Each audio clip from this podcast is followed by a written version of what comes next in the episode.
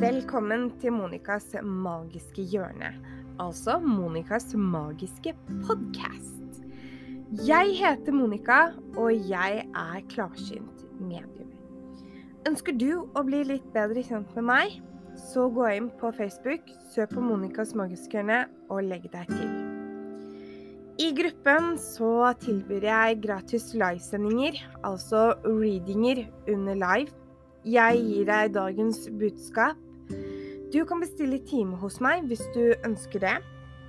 Du kan gå inn på websiden vår åndeligaften.no for å bli enda bedre kjent med meg og Ronny.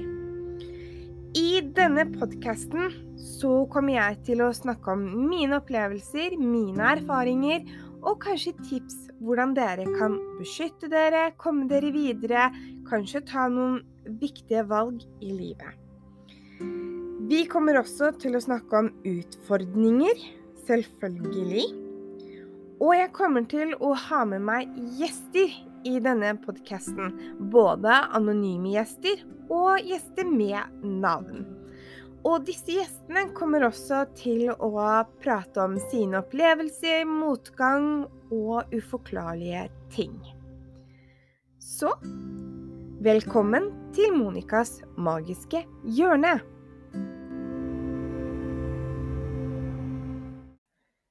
Hei og velkommen tilbake til min podkast Hvem er jeg? Emnene mine begynte å få fart på seg. Begynte å utvikle seg, både tanker og beskjeder. Både tanker i forhold til de som lever, og beskjeder fra de avdøde fra den andre siden. Ting kom kanskje mer i en drømmende form, hvor jeg kunne kanskje sammenligne med at jeg sitter og dagdrømmer, men jeg følte at jeg var i reise selv om jeg var på en måte våken, hvis du skjønner. Etter hvert så begynte jeg å oppleve en god del ting.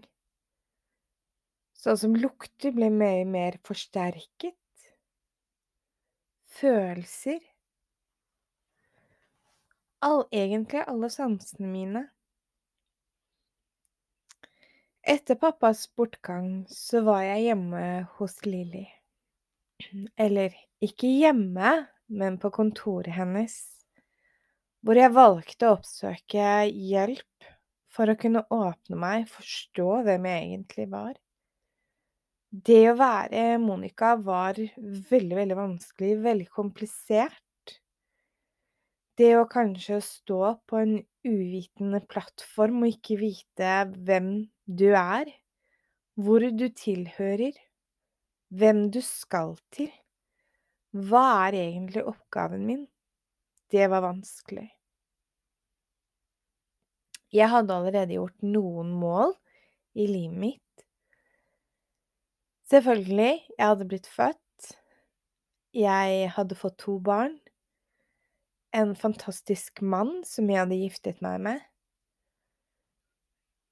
Og jeg hadde også opplevd mitt største mareritt, og som jeg tror egentlig veldig mange gruer seg til å følge en av sine foreldre til graven. Allerede så hadde jo livet mitt begynt å bli litt mer rustent, hvor jeg på en måte hadde fått på meg rustningen litt. Jeg tålte litt mer. Men hva var det neste som ventet meg? Både nysgjerrighet til spenning og det å prøve å lirke ord ut ifra en klarsynt medium. Det var ikke lett, og det var heller ikke lett å sitte og forstå hva hun egentlig pratet om. Alt virket veldig labbedansk, veldig kaotisk. Det var ikke noe struktur eller målrettet beskjed. Det var korte, enkle beskjeder som ble veldig vanskelig å forstå. Etter denne turen hjemme på kontoret til Lilly, så begynte jeg vel å få øynene mye mer klarere opp. Hvor hun sa til meg at jeg hadde en veldig fin energispiral som var veldig høy. Jeg var på rett vei, det var mange dører som ville da åpne seg etter hvert. Men hva vil det si? Hvilke dører var det som skulle åpne seg? Skulle du bare si pang, så var jeg klarsynt medium med en gang? Eller ville jeg kanskje ikke komme dit? Skulle jeg bli en god tegner? Skulle jeg bli en skuespiller? Skulle jeg bli lærer? Lege? Sykepleier? Hva var det som egentlig ventet meg bak disse lukkende dørene? I en periode så begynte dørene selvfølgelig å åpne seg med små magi. Det var små steg, det var tunge steg, det var rett og slett en stor motgang. Allerede på den tiden så har jo jeg snakket mye om reisen til mannen min også i forhold til det her å tro på det alternative, det spirituelle osv. Hvordan reisen hans også var i forhold til det her. Og her føler jeg på dette tidspunktet at vi da har kommet mye nærmere hverandre. Ting har blitt mye bedre opplever ting sammen. Og det var jo etter at pappa gikk bort, hvor da man skulle oppleve ting enda mye sterkere. Den eh, første julen uten pappa fysisk til stede her skulle vise å by på litt utfordringer. Det var eh, mye smakfullt, samtidig ikke mye savn mye tristhet, sårbarhet osv. Som jeg aldri hadde trodd at det skulle komme så tett og nært innpå meg. Jeg husker spesielt den første julen hvor vi var samlet, alle sammen, til selve julaften. Det var sårt, det var en trykkende følelse. Allerede så hadde jeg vært igjennom en sorgperiode i veldig lang tid før julen inntraff familien. I all tanke og omsorg så tenkte jeg at vi søsknene kunne spleise på et stort familiebilde hvor vi hadde bilde av pappa, mamma og oss fire barna. Dette ble jo tatt imot med både tårer, glede latter og tårer igjen. Denne julen var langsom. Jeg skal gå ut i søpla med alle julegavepapirene i en egen sekk, hvor jeg blir hindret litt på veien. Først så oppdager jeg en katt som går ved siden av meg, og den mjauer og den prater så sykt mye. Og jeg svarer katten, og den mjauer tilbake. Da jeg snur meg, etter at jeg har lagt av søppelsekken der den skal ligge, og jeg skal gå tilbake, så snur jeg meg og er veldig forsiktig så jeg ikke skulle tråkke på denne katten. Da var katten borte. Det eneste jeg opplever da, er faktisk at det er noe som skimmer så voldsomt i himmelen. Det er den første gangen jeg har sett en så stor stjerne som har blinket og vært så innmari klar at det er helt, helt ubeskrivelig hvor stor og klar den stjernen var. Og det var som at at jeg fikk svar på så mye på så kort tid, hvor følelser, gledestårer, samtidig det savnet kom frem. Jeg hadde også vært tidligere på graven denne dagen og tent lys, lagt på julekrans og sånne ting. Ettersom julen er over og vi kommer oss inn i romjulen, og man kan begynne å oppleve en annen form for energi en eh, litt sånn uggen energi. Eh, og det overhodet ikke hadde noe med min pappa å gjøre. Men det var det at ting begynte å åpne seg for meg. Jeg begynte kanskje å ta inn andres energi som jeg egentlig ikke skulle.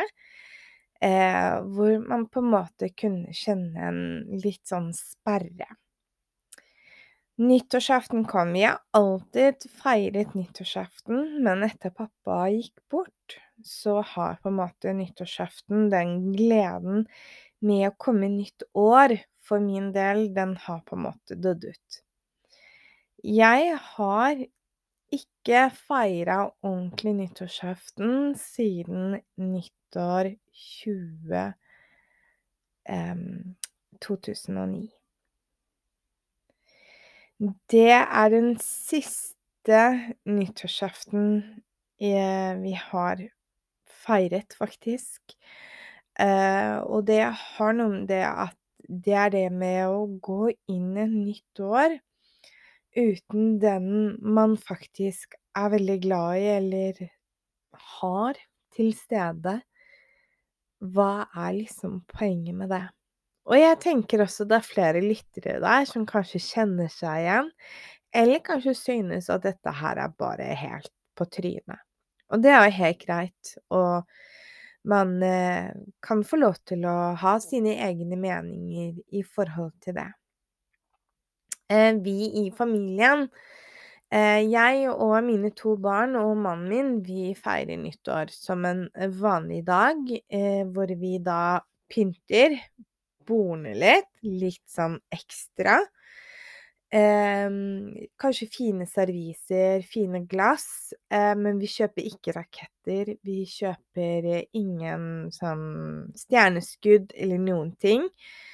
Eh, og vi har hatt Grandiosa med fin tallerken. Eh, vi har hatt pinnekjøtt eh, og spist det, men vi har ikke stivpynta oss med venner, familie, eh, masse sånn eh, happen eh, Ballonger, eh, borddekorasjoner. Aldri det. Etter pappa gikk bort, så forandret det å gå inn i et nytt år eh, blei veldig annerledes for meg. Og det blei vel litt mer på det at eh, jeg glir mer og mer fra den dagen han døde, at det blir lengre og lengre avstand. Det er nok noe med det at um, er man en skikkelig pappajente eller en pappagutt, eller en mammajente eller en mammagutt, og man mister noen man er veldig, veldig, veldig glad i, så gjør det noe med deg at du på en måte har på en måte ikke lyst til at tiden skal gå. Eh, og når da man merker at årene begynner å gå, og det blir større og større mer avstand, jo sterkere blir mine følelser, eh, faktisk.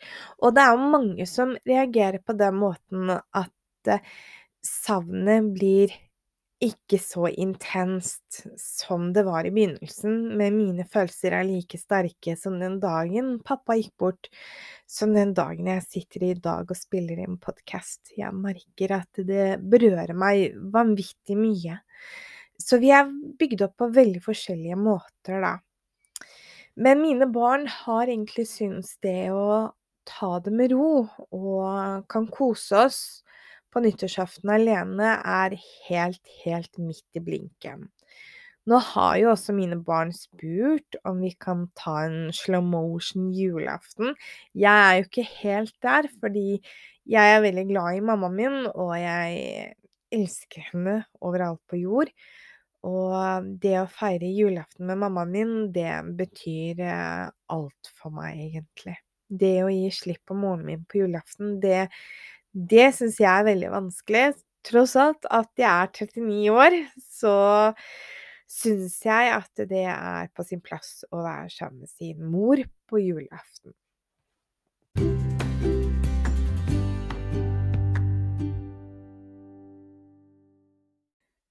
Men sånn videre fremover, da, i hvem jeg er, eh, som er egentlig poenget med denne episoden, er det at eh, som jeg nevnte, så åpnet jo disse dørene. Jeg så denne flotte stjernen, som var da en symbol på at pappa var sammen med oss den første jula.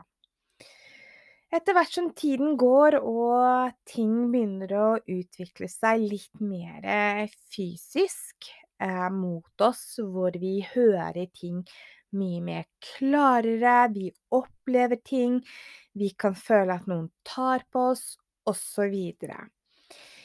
Eh, jeg husker det var en, en morgen hvor jeg valgte å ligge litt lenge. Eh, og så var det det at mannen min skulle da få mine barn av gårde. Da dette bildet hopper av en hylle og over alle pyntetingene mine, og så detter glasset mot fliser. Eh, for vi hadde fliser i stua. Og dette glasset, det knuser jo ikke. Eh, det er jo like helt. Eh, og da sa mannen min at han hadde bedt eh, barna mine gå og kle på seg, og så hadde han bare svart med pst, gjort sånn. Eh, og da hadde dette bildet hoppet ned, og det var liksom et symbol på at nå er det nok, nå hører dere på pappaen deres. Eh, og den beskjeden fikk jeg så kraftig. Når jeg tok i bildet, så var det sånn Oi, her må dere høre på pappa, for det sier bestefar. Men jeg kunne jo ikke si at det var bestefar som hadde kastet bildet ned. Eh, for barna mine ville jo ikke ha forstått det når de var da fire, og, fire og fem år den gangen. Eh, så jeg eh, sier nå må dere gå og kle på dere, høre på pappa. De reiste opp med en gang, gikk inn og kledde på seg. Og, og det gikk jo greit den dagen. Eh, og så var det en gang hvor vi hadde besøk, og jeg begynte å fortelle om ting jeg hadde opplevd. Og denne personen som var på besøk hos oss, han syntes dette var så gøy at han satt bare og flira og gjorde narr av meg. Og jeg tenkte det, kjære universet, vær sin sette sett et støy til denne mannen, fordi nå syns jeg at dette går faktisk veldig langt over streken for min del. Eh, hvor han da ler og ikke tror på meg. Greit, man behøver ikke å tro på alt man gjør, men man latterliggjør ikke personene hvis man ikke er helt sikker selv. Og eh, han kom både én og to og tre og fire og fem ganger, eh, mange ganger. En kveld som vi skulle sitte og spille, så var han litt småfrekk mot meg.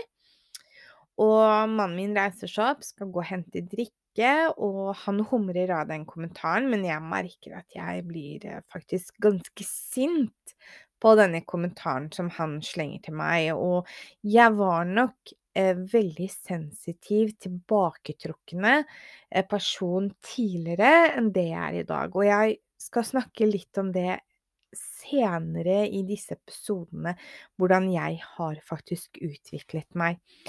Men han da sitter og ler av meg og gjør egentlig narr av meg, som gjør at jeg blir ordentlig sint. Og så sitter jeg, og så var boddøra oppe, og så lå det noen søppelsekker eh, langs veggen, og bak søppelsekkene så sto det to lange, sånne høye maleribilder.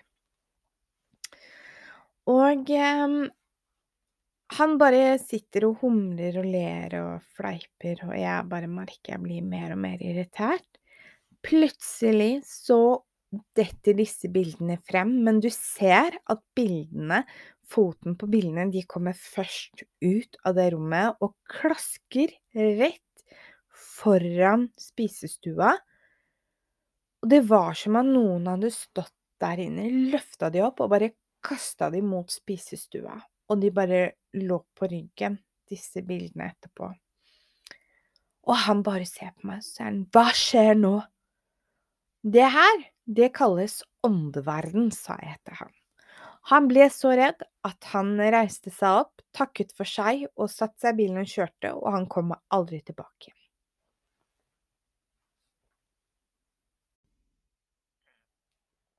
Etter hvert som tiden også går, så er det ting som eh, skjer. Det er eh, bilder som flytter på seg, bilder som detter ned. Eh, ting som blir borte, som har aldri kommet tilbake hjem. Det var fottrinn. Jeg kunne høre at noen pratet, noen ropte på meg.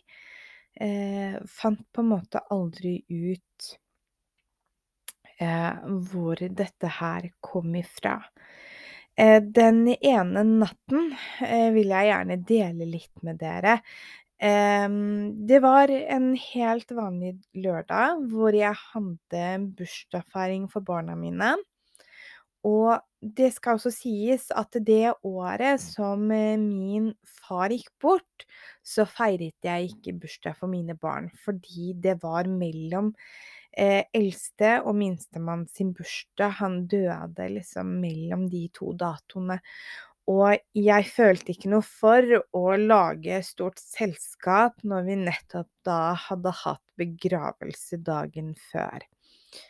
Så jeg velger å hoppe over denne bursdagen det ene året, og skal da feire bursdagen til barna mine året etterpå.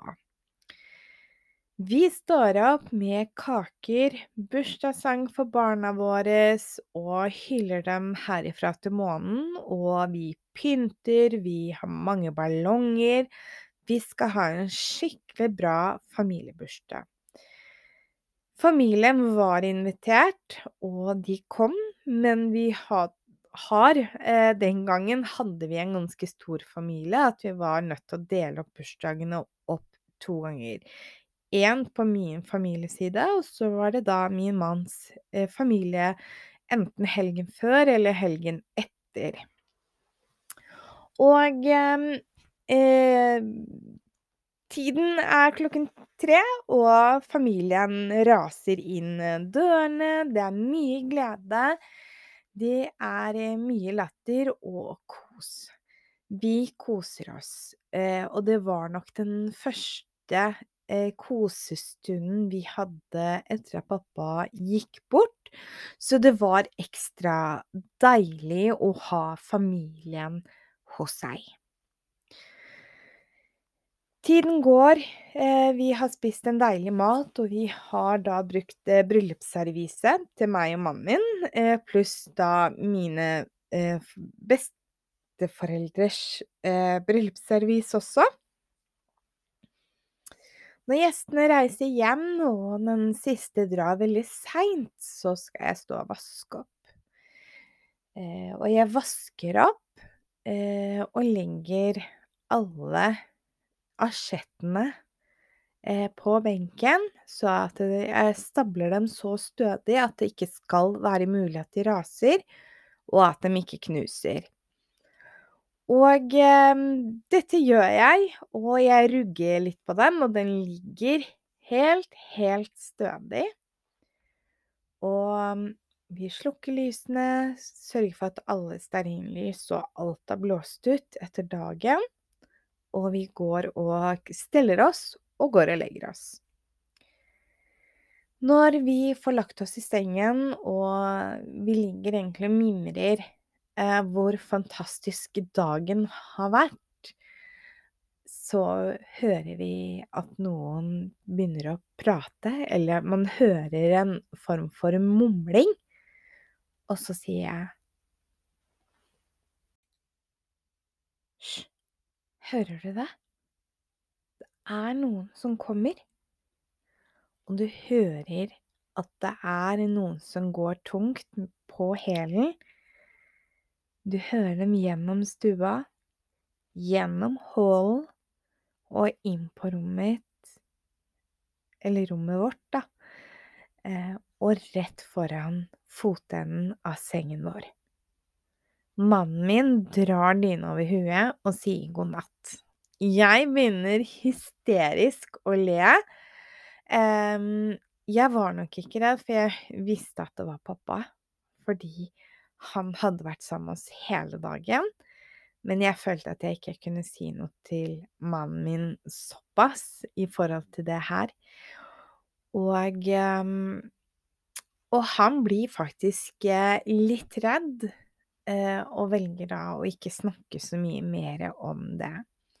Vi sovner begge to, og vi våkner av et brak uten like. For min del så trodde jeg noen hadde murstein i hånda og kasta det gjennom disse svære vinduene vi hadde. Vi hadde jo vinduer fra gulv til tak. Eh, tre svære vinduer på én hel vegg.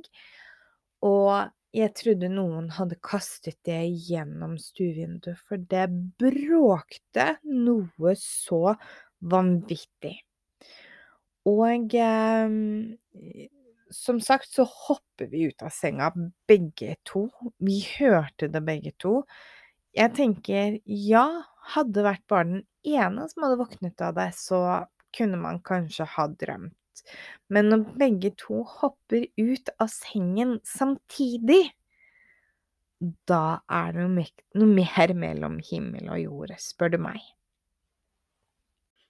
Mannen min velger å gå ut, eller han velger egentlig ikke, det er nok jeg som sier du, du må gå ut og sjekke, jeg tør ikke. Og han går ut, og han ser ingenting. Eh, det eneste jeg fant å ta i hånden min, det var en sånn eh, En sånn greie du åpner eh, takloftet med, sånn pinne. Smijernspinne. det var det jeg kom ut med. Eh, for jeg var skikkelig, skikkelig redd. Eh, og når jeg kommer ut, så er det jo ingen vinduer som er knust, og mannen min hadde jo vært ute, han hadde sjekket grundig gjennom, osv. Og, og dette forteller vi jo igjen i hans historie også, så dere som har hørt eh, hans historie, vil jo få denne her dobbelt, da. Men som sagt så tenker jeg oh shit, dette må jo være serviset da som har gått i gulvet. Men det var det jo heller ikke, for det lå jo pent på benken. Så hva det var for noe, vet vi jo egentlig ikke. Men det kan jo hende, og jeg har tenkt i etterkant, det kan jo være en varsel vi faktisk fikk. Kanskje det ville vært innbrudd der? Hvem vet? Som sagt så har reisen min vært uh, fylt opp med veldig mange uforklarlige ting. Det har vært en lang, lang reise i hele livet mitt. Eh, og nå velger jeg på en måte å hoppe videre inn i reisen min på neste episode. Hvordan det var for meg å starte opp Monicas magiske hjørne. Hvordan kunne jeg forstå ting som skjedde? Hvordan kunne jeg håndtere ting? også videre. Så her er det bare å følge med på neste episode.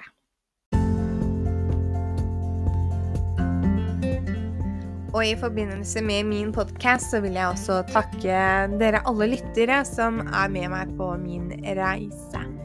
Så tusen takk for at du lytter til min podkast.